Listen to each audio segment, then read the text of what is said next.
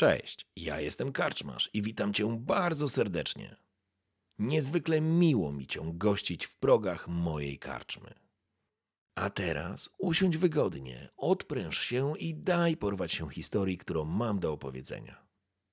A jeśli spodoba Ci się to, co usłyszysz, zawsze możesz rozważyć wsparcie mnie za pomocą patronite.pl. Link znajdziesz w opisie. Życzę miłego słuchania. Oby nam się!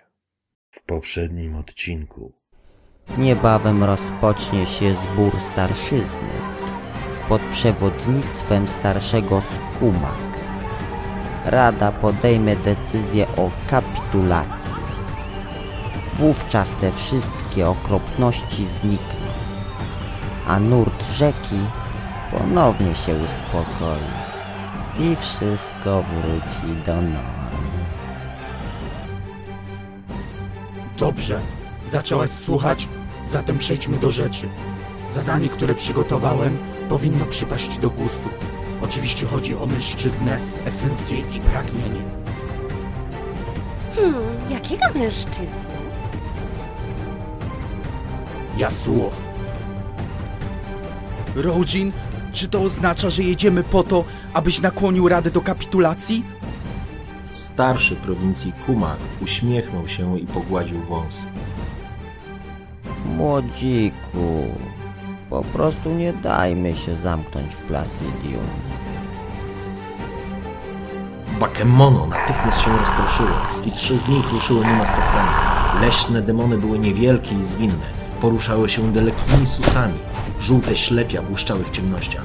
Jasuo krzyknął i poczuł wiatr, jak wypełnia jego szaty. Skoczył do przodu. Nim zgasł w bursztynowym śnie, uzmysłowił sobie skąd zna kolor oczu kobiety. To były oczy lisa.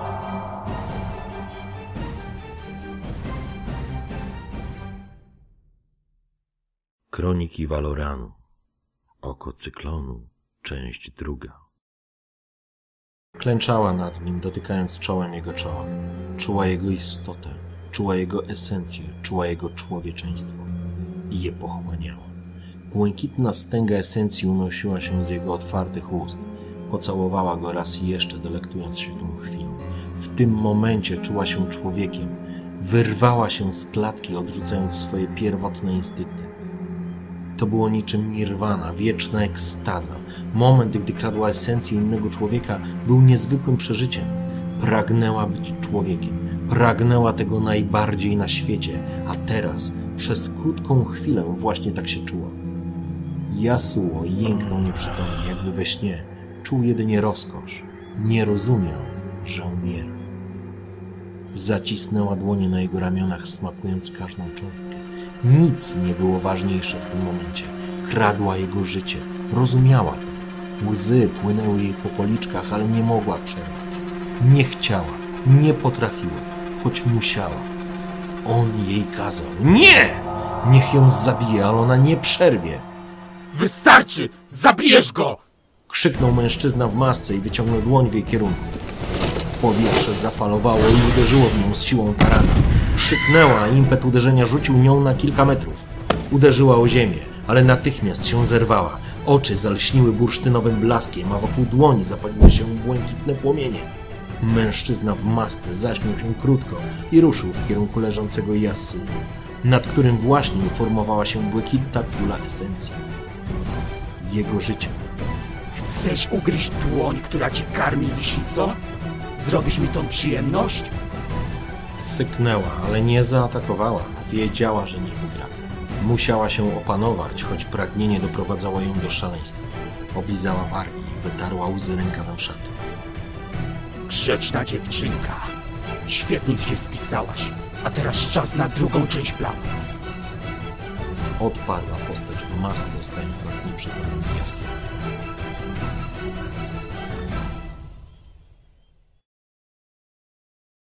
Wyciągnął dłonie i zatopił je w błękitnej kuli. Jasuo jęknął, jakby sprawiło mu to ból. Mężczyzna podzielił esencję na dwie części, chwytając jedną z nich. Esencja wiła mu się między palcami, formując w kulisty kształt. Cicho szepcząc, wyciągnął drugą dłoń, w której spoczywał niewielki sześcian.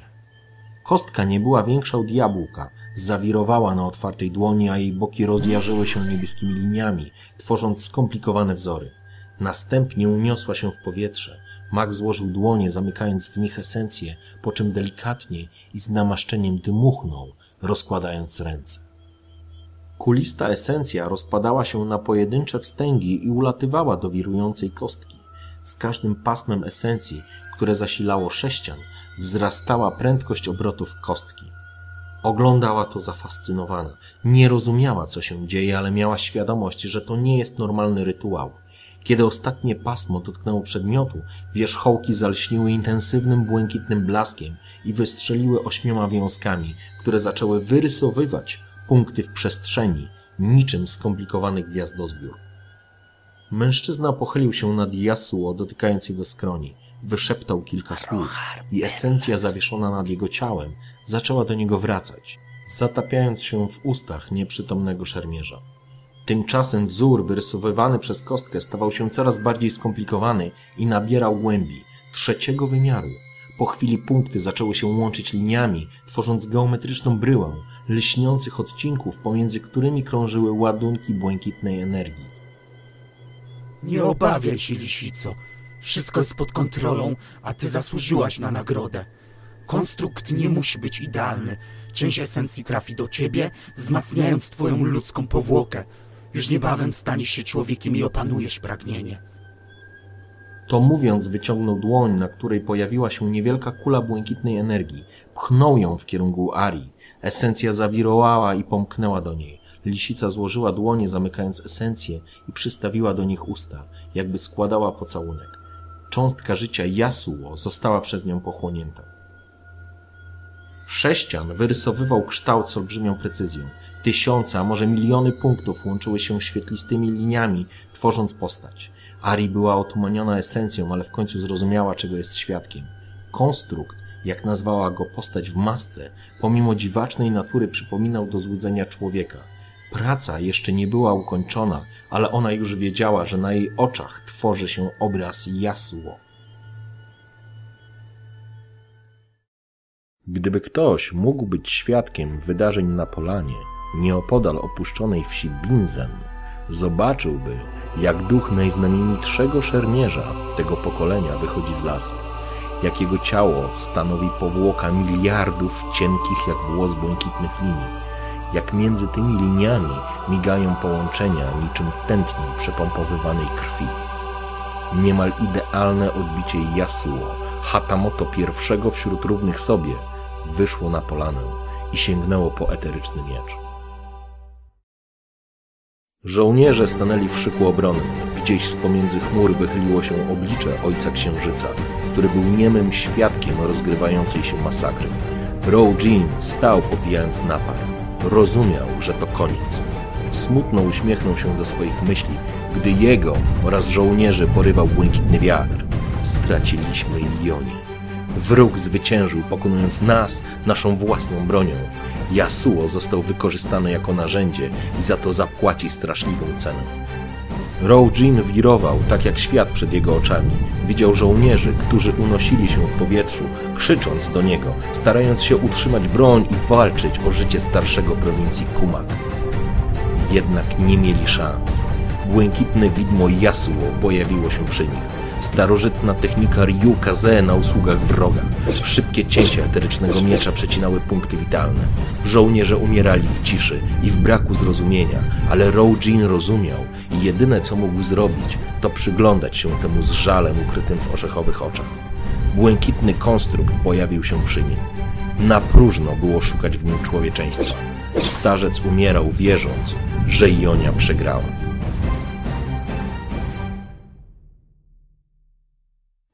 Gdyby ktoś mógł widzieć, co się wydarzyło, z pewnością byłby porażony krwawym widowiskiem, w którym błękit mieszał się ze szkarłatem krwi. Piękno i śmiertelne przerażenie wypełniłoby każdego widza. Jednak nikt nie mógł być świadkiem zmierzchu Yasuo.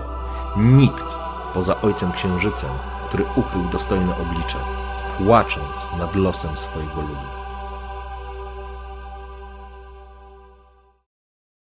Gnała jak wicher, starając się cały czas utrzymać tempo. Koń był stworzony do długich pościgów. Żelazne mięśnie pracowały niczym tłoki, a płuca jak kowalski miech. Nie oszczędzała go, a on odwdzięczał się poświęceniem i nie zwalniał biegu. Katarina wiedziała, że zboczyli ze złotego szlaku i domyślała się dlaczego. Nie mieli czasu do stracenia, a przydzieranie się przez tłumy uciekinierów tylko utrudniałyby zadanie. Dodatku okazanie glejtów i ujawnienie swojej tożsamości było zbyt ryzykowne. Oni wiedzieli lub podejrzewali zamach, stąd utrzymywanie przykrywki stało się dla nich priorytetem. Ech, wystarczyło oficjalnie wkroczyć na pierwszy posterunek i wraz z eskortą ruszyć do Placidium. Miałaby ich wówczas jak na widelcu. A tak, wykańcza konia, żeby dotrzeć na czas. Udało jej się. Konia wypuściła daleko w lesie, a sama skradała się do polany. Coś było nie tak, ponieważ słyszała poruszenie, jakieś nawoływania i odgłosy krzątania. Ponadto las był ożywiony, a nie powinien. Szła przygięta do ziemi, zbliżając się do obozu. Było już po północy. Zakładała, że natrafi na śpiący obóz i warty, ale zupełnie nie spodziewała się, że zastanie żołnierzy w pełnym ekwipunku i w pełnej gotowości bojowej. To wykluczało skrytobójstwo, a na to liczyła. Niestety, taka profesja. Nigdy nie jest tak, jak się zaplanuje. Swain by zszedł na zawał w takiej robocie, uśmiechnęła się do siebie. Postanowiła poczekać. Obóz był dokładnie oświetlony. Strażnicy dorzucali do ognia. Widziała dwóch żołnierzy pakujących sprzęty oraz dwóch na warcie. Rozglądali się czujnie i cały czas spoglądali w stronę lasu. Dostrzegła również starca, Siedział i popijał jakiś napar. Nigdzie nie widziała Yasuo i to ją najbardziej niepokoiło. Teoretycznie mogłaby ruszyć i pozabijać ich wszystkich, ale nie chciała ryzykować. Niby bajendy, niby legendy, ale widziała na własne oczy, co potrafi zrobić generał Yi. A jak głosiła plotka, to właśnie Yasuo był mistrzem miecza. Jeśli to wszystko prawda, to tylko pod osłoną nocy i cienia mogłaby go pokonać. Otwartej walce wszystko mogłoby się wydarzyć, a ona mocno ceniła swoje życie. Zwłaszcza, gdy przypominała sobie nieudaną misję i spotkanie z Garenem. Zgrzytnęła zębami. Nigdy więcej nie pozwoli, aby pycha zagłuszyła zdrowy rozsądek. Tak jak mówił ojciec, musi być zimna jak lód i opanowana jak śmierć. Nie ma znaczenia, kto jest celem, ponieważ śmierć przychodzi po wszystkich, bez względu, gdzie się ukryją. Siedziała nieruchomo przez niemal godzinę. Strażnicy zdążyli zebrać wszystkie rzeczy i byli gotowi do drogi. Jednak nie ruszali. Czekali na kogoś. Ona wiedziała na kogo. Mimo to Yasuo nie wracał. Po kolejnej godzinie, gdy księżyc nieśmiało wyglądał spoza chmur, zauważyła poruszenie przy ognisku. Strażnicy wstali i wskazywali na ścianę lasu. Chyba wołali swojego towarzysza, jednak ten nie odpowiadał. Postać mieniła się błękitnym blaskiem i wyglądała jakby była obleczona w świetlistą sieć. Katarina poczuła lodowaty uścisk strachu, który chwycił ją za kark i przycisnął do ziemi, spływając do samych stóp. Prawie nie oddychała, gdy konstrukt Yasuo zaczął taniec śmierci.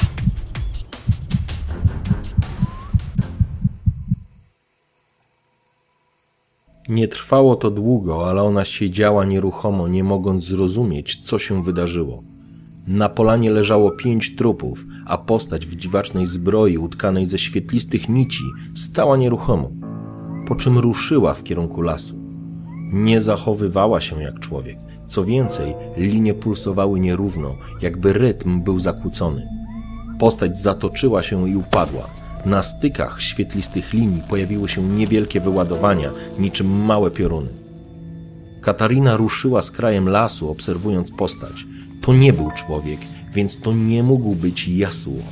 Postać zrobiła kilka chwiejnych kroków i potknęła się. Była nie więcej niż 20 metrów od niej. Z przerażeniem zorientowała się, że nie jest to zbroja, tylko jakaś eteryczna postać zbudowana z wielokątów. wypełniona błękitnymi liniami, punktami i wyładowaniami. To coś zwróciło głowę w jej stronę. Zamarła. Oczy były wypełnione błękitnym płomieniem i spoglądały na nią z wyrzutem. Nie była pewna, ale miała wrażenie, że dostrzegła w nich prośbę o pomoc. Na wysokości kolan postaci zanikły błękitne połączenia i w tym samym momencie staw pękł. Postać runęła na ziemię, rozpadając się kawałek po kawałku. I tak jak zanikały błękitne impulsy, tak duch rozpadał się w nicość. Katarina niemal wyszła ze swojej kryjówki, gdy dostrzegła ruch po drugiej stronie polany. Ukryła się za szerokim drzewem i przyglądała się postaci w prostych szatach maga, który podobnie jak ona przyglądała się wydarzeniom na polanie. Mężczyzna obrócił się i ruszył pomiędzy drzewa. To nie był dobry pomysł. To była czysta głupota. Jeśli ten ktoś potrafił zrobić z Yasuo to puste widmo, to zdecydowanie ona nie powinna za nim iść. Jednak nie potrafiła się powstrzymać. Ruszyła przy linii drzew, starając się nie zdradzać swojej pozycji. Wchodząc w las, zerknęła na miejsce, w którym jeszcze przed chwilą spoczywało to coś. Nad trawą unosiły się setki błękitnych punkcików, niczym rój świetlików. Nic poza tym.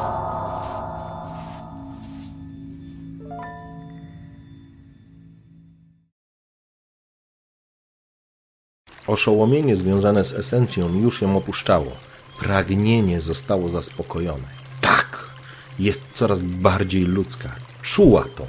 W końcu odetnie się od przeszłości. On jest zadowolony. Cokolwiek zrobił, udało się. Ona dopełniła swojej części umowy. Zwabiła tego wojownika i oczarowała go. Tak, jak się umówili. Być może przesadziła, czerpiąc esencję, ale to z pewnością nie mogło niczego zepsuć. On nie powinien się gniewać. Ari przeskoczyła nad strumieniem, ciesząc się jak mała dziewczynka. Delikatny, błękitny płomyk tańczył wokół niej. Śmiała się, była taka szczęśliwa. Yasuo spał. Przeżyje, bo tak on postanowił. Nie miało to znaczenia. Jeden w tą czy w tamtą liczyło się tylko człowieczeństwo. Ona będzie człowiekiem i to już niebawem. Usłyszała kroki. On nadchodził. Czas zapłaty. Klasnęła w dłonie. Płomyk zniknął. Masz powody do radości, lisico. Ach, wybacz, Ari. Mężczyzna skłonił się przed nią. Najwyraźniej był w dobrym humorze. Oczywiście, będę człowiekiem. W końcu. Niemal chciała mu się rzucić na szyję. Cała złość i strach przed nim uleciały na wietrze. Tak, zgodnie z umową. Po lesie rozniósł się trzask łamanej gałęzi. Ari zastrzygła uszami, natychmiast lokalizując źródło dźwięku. Szła po cichu jak kot, uważnie stawiając stopy. Las jest zdradliwy. Może cię ukryć na milion sposobów, ale może cię również zdradzić. Nawet nie będziesz wiedzieć kiedy. Krok za krokiem unikała wszystkiego, co mogło odkryć jej pozycję. Coś wrzeszczało jej w głowie. To chyba zdrowy rozsądek, ale zignorowała go. Była tak blisko. Postać szła dalej i nie zauważyła jej. Doszli do kolejnej polany. Usłyszała głos, który z pewnością należał do mężczyzny. Był mocno zmieniony, jakby wydobywał się spod hełmu lub maski. Odpowiedziała mu jakaś dziewczyna, która skakała nad strumieniem i klaskała w dłonie. Na ziemi leżało jakieś ciało. Kto to był? Zrobiła kilka kroków, próbując przyjrzeć się leżącej postaci. Stopa miękko zanurzyła się w mchu i oparła się o gałąź. Poczuła i zrozumiała, zanim usłyszała trzask. Zdążyła jeszcze porządnie przekląć w myślach, gdy gałąź z głuchym trzaskiem pękła pod jej ciężarem. Lisico, nikt nie może się dowiedzieć o tym, co tu zaszło. Znajdź ich i zabij. Mężczyzna wzniósł ręce do góry i w dłoniach zmaterializowała się kula światła, którą cisnął w kierunku ściany lasu. Ari miękko skoczyła do przodu, przechodząc w bieg. Bursztynowy blask zalał jej oczy, a wokół niej zaczął wirować błękitny płomień. Była szybka. Bardzo szybka. Katarina z przerażeniem obserwowała, co się dzieje. Chciała wybić się do tyłu i zacząć uciekać, ale stopa poślizgnęła się na omszałej gałęzi. Nie upadła, ale straciła równowagę i cenny czas. Jasna kula światła mknęła w jej kierunku z prędkością błyskawicy. Niemal równolegle biegła ta dziwna dziewczyna, w której dłoniach materializował się błękitny płomień. Huk kulistego pioruna ogłuszył ją uderzając w drzewo, przy którym jeszcze przed momentem stała. W potężnym pniu pojawiła się czarna dziura z tulącymi się od ognia krawędziami. Sięgnęła po sztylety i skoczyła w las. W tym samym momencie krzaki, w których stała, zamieniły się w chmurę liści, gdy niebieska kula w nią uderzyła. Co ciekawe, podobnie jak broń z Kumungu, kula wracała do dziewczyny. To ważna informacja. Zdążyła pomyśleć, być może uratuje mi kiedyś życie. Ari słyszała doskonale, jak przeciwnik ucieka. Ruszyła w pościg. Była sprawna, ale nie mogła równać się sprawności lisa. Wybiła się w powietrze, gładząc kulę. Rudowłosa kobieta biegła, przeskakując przeszkody. Ari rzuciła kulę i pomknęła w dół. Biegła, wiedząc, że nie ucieknie. Musi dojść do konfrontacji, ale nie chciała walczyć z dwójką naraz. Zerknęła w tym samym momencie, gdy błękitna kula mknęła w jej stronę. Skoczyła w cień, ponownie o włos unikając uderzenia.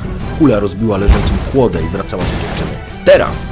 Katarina wykorzystała impet skoku i odbiła się od drzewa, zupełnie zmieniając kierunek ruchu. Wywinęła się w powietrzu i cisnęła sztyletami w przeciwnika. Usłyszała śmiech, gdy dziewczyna z nieludzką prędkością odbiła się od ziemi i odskoczyła w drugą stronę. Sztylety głucho wbiły się w pień, a w nią poleciała błękitna wstęga światła.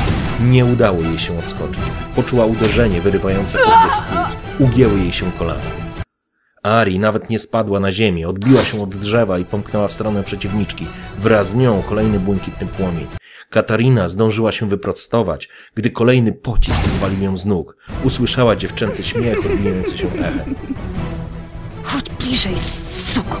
Szepnęła noksjańska zabójczyni, ocierając krew. Zobaczyła kolejny błękitny płomień gdzieś z boku. Chciała odskoczyć. Nie udało się. Pocisk uderzył ją w bok. Usłyszała trzask pękającego żebra. Upadła, zagryzając zęby z bólu. Chodź bliżej, suko. Krzyknęła z trudem wstając. Wokół niej panowała cisza. Nigdzie nie było widać przeciwniczki. Zacisnęła dłonie na sztyletach i niepewnie postąpiła kilka kroków naprzód. Suko? Niegrzecznie. Ari syknęła jej w ucho. Katarina nie czekała chwili dłużej. Cień, który widziała przed sobą, oznaczał, że za nią rośnie błękitna kula energii. Krzyknęła i zwinęła się jak wąż, wybijając się w powietrze. Zaczął się taniec ostrza. Ari odskoczyła, wypuszczając kulę przed siebie. To jej uratowało życie. Sztylety pomknęły obok niej. Próbowała uciec, gdy poczuła ból w ręku i w udzie. Padła na ziemię z krzykiem, rozpaczliwie próbując znaleźć zasłonę. Czuła narastające rwanie w miejscu, gdzie trafiły sztylety. Podpełzła do dużego kamienia, zaciskając zęby z bólu. Hmm, gdzie jesteś, panienko? Usłyszała głos przeciwniczki. Katarina zdążyła przejąć kontrolę nad walką. Obolałe ciało nie reagowało na tętniący ból. Chciała poderżnąć jej gardło i uciekać stąd. Nie zauważyła, że nie są już same. To nie ma znaczenia. Odpowiedział głos, który dobiegał z zamaski. Katarina obejrzała się na przeciwnika.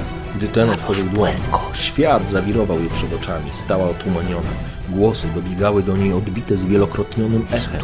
Tak nie mogło się to zakończyć. Nie teraz! Próbowała wejść w cień, ale była zbyt rozkojarzona. Obraz się rozmazywał, ona nie mogła go wyostrzyć. Za to dźwięki było nieznośnie wyraźne.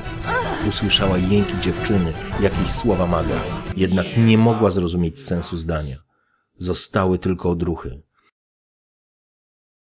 W powietrzu zaświszczały ostrza. Znała ten dźwięk doskonale, wiedziała, że należy upaść. Nie mogła stać, gdy coś w taki sposób przecina powietrze. Niemal potrafiła sobie to wyobrazić. Coś obracało się wokół własnej osi i miało przynajmniej cztery ostrza. To musiały być ostre cacuszki. Niemal tak piękne jak jej sztylety. Przez polanę mknęły przedmioty o czterech ostrzach, ze świstem przeszywające powietrze. Ari odskoczyła, unikając obłostów pocisków. Mężczyzna zmienił ułożenie dłoni. Katarina upadła, a on rozłożył dłonie w kierunku ostrzy, wykrzykując pojedyncze słowo. Ostrza zderzyły się z niewidzialną ścianą.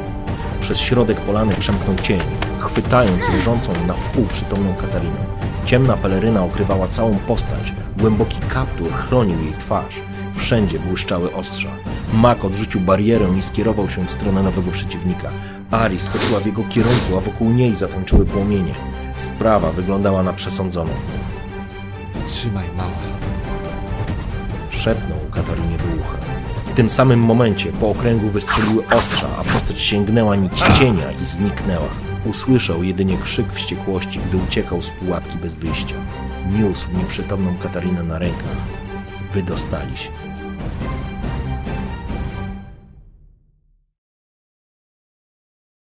Yasuo nie wiedział, co się stało. Nie pamiętał niczego, ale gdy obudził się następnego dnia, wiedział, że nie wykonał powierzonego mu zadania. Row Jean musiał już odjechać. Tak mieli zrobić, gdyby nie wrócił. Ruszył biegiem, starając się przypomnieć wydarzenia z poprzedniej nocy. Jakoś je ułożyć i zrozumieć. Pamiętał Bakemono i wściekle bursztynowe oczy. Matka Słońce dawno minęło już nim. Wyskoczył na polanę i zobaczył kilkunastu żołnierzy, którzy krzątali się wokół obozu. Dostrzegł ciała i ruszył biegiem, rozumiejąc, co się wydarzyło. Żołnierze go poznali. Nikt nie stanął mu na drodze. Nad ciałami klęczał starszy mężczyzna, z którym mieli się spotkać następnego dnia. Po to, by wymienić koni. Nie dotarliście o wyznaczonym czasie. Ruszyliśmy was szukać. Powiedział z suchym jak piasek głosem. Co tu się stało? Kto ich zabił? Yasuo padł na kolana przed zwłokami Roujina. To złe pytania, Yasuo. Pytanie brzmi, dlaczego ty ich zamordowałeś? Dlaczego zdradziłeś Ryukazę, Kumak i całą Jonię? To są twoje cięcia, morderco! Starzec wstał, krzycząc i chwycił rękojeść miecza. Nie, to niemożliwe. Nie tu nie było. Tam była kobieta.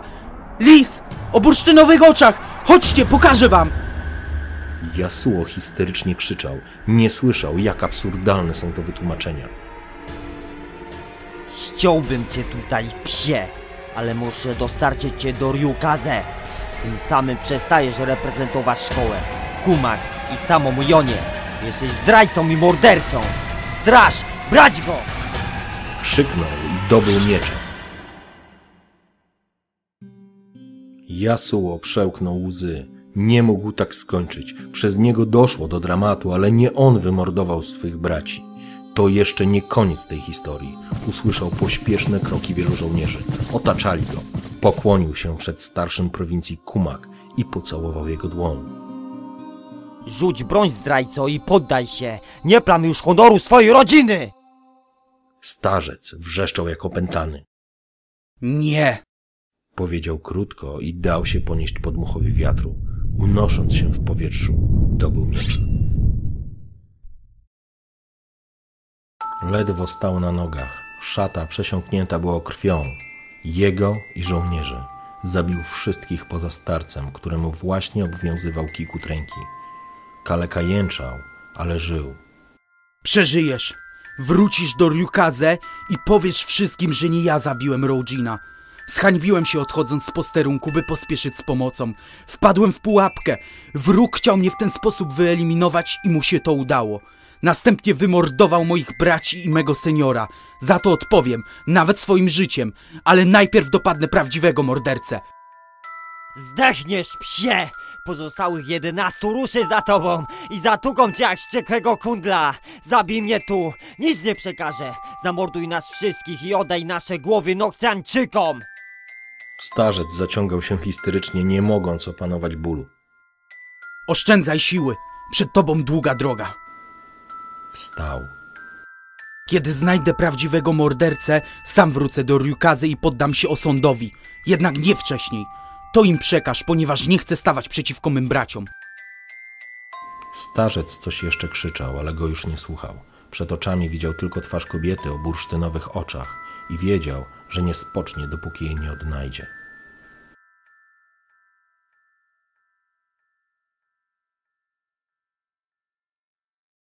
Siedzieli przy niewielkim ognisku. Talon opierał się o drzewo, poprawiając płaszcz zwinięty pod głową. Katarina popijała leczniczy napar z metalowego kubka. Była obolała i spuchnięta. Tors miała owinięty jakimiś szmatami. Podwójne zabezpieczenie, co? Swain chciał mieć pewność, czy wykonam zadanie? Talon otworzył oczy i przetarł twarz. Był młody i przystojny. Zawsze jej się podobał, ale nigdy nic z tego nie będzie. Traktował ją jak młodszą siostrę. W dupie mam Swaina. Nie jemu służę. Przysięgałem twojemu ojcu. Odkąd zaginął, świat stanął na głowie. Dzielę swój czas pomiędzy poszukiwania i doglądania twoich poczynań, maleńka. Wiem jedno. Stary Dukutu, poza oddaniem ojczyźnie, kochał cię nad życie i sądzę, że nie miałby nic przeciwko temu, że uratowałem twój słodki tyłek z opresji. Katarina nie była przyzwyczajona do takich rozmów. Nikt nigdy się nią nie opiekował. Ojciec był wymagający, ale miał do tego prawo. Był najlepszym szpiegiem Noxus. Zawsze stawiał na perfekcję. Nie mogłaby liczyć na taryfę ulgową po wczorajszej akcji. Spieprzyła to i wiedziała o tym. Zawsze stawiała na siebie i nigdy nie dostrzegała subtelnej asekuracji ze strony Talona. Choć mogłaby tego zwyczajnie nie zauważyć. Talon był mistrzem cienia. Mogłaby się od niego wiele nauczyć. Jestem gotowa ci nawet podziękować za pomoc. Ale najpierw powiedz mi skąd wiedziałeś, gdzie jestem. Wychyliła kubek i popiła gorzki napar. Talon bawił się swoimi ostrzami, spoglądając gdzieś w dal. Od zawsze jestem przy tobie. Czasami trudno za tobą nadążyć, ale mi się udaje. Wiedziałem o twojej misji w Joni. Śledziłem cię już od złotego szlaku. Jesteś niezła, ale ja jestem lepszy. Nie dziękuj mi. Wiem, że do kutu podziękowania i przeprosiny nie przechodzą przez gardło. Wyszczerzył równe i białe zęby w uśmiechu. Zignorowała go, zdążyła już przywyknąć do przechwałek Talona. Najgorsze w tym wszystkim jest to, że miał rację. Zabiliby cię mała. Ten mężczyzna w porcelanowej masce i w szatach przywoływacza nie był zwyczajnym magiem. To ktoś wyżej. Cholera wie, może nawet któryś z trójcy popaprańców? Nie pytaj, dlaczego tak uważam. Nie wiem. Latająca panienka to zwyczajny sugus. Faktycznie niezła sztuka, ale ja nie pieprzę się ze zwierzętami. Jestem przekonany, że wdepnęliśmy w niezłe gówno i zastanawiam się nad konsekwencjami. Na dziś musisz wrócić do Noxus. Było, nie było, zadanie wykonałaś.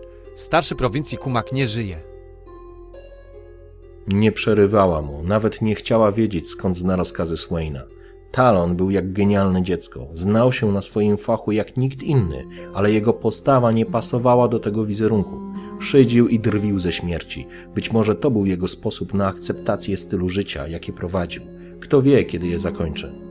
Wstała z trudem i podeszła do niego. Nie mówiąc nic, pocałowała go w policzek. Tylko tyle za uratowanie życia? Ja już ściągałem spodnie! Talon zarechotał, następnie jęknął ze zgrozą, widząc sztylet wbijający się w pobliżu krocza.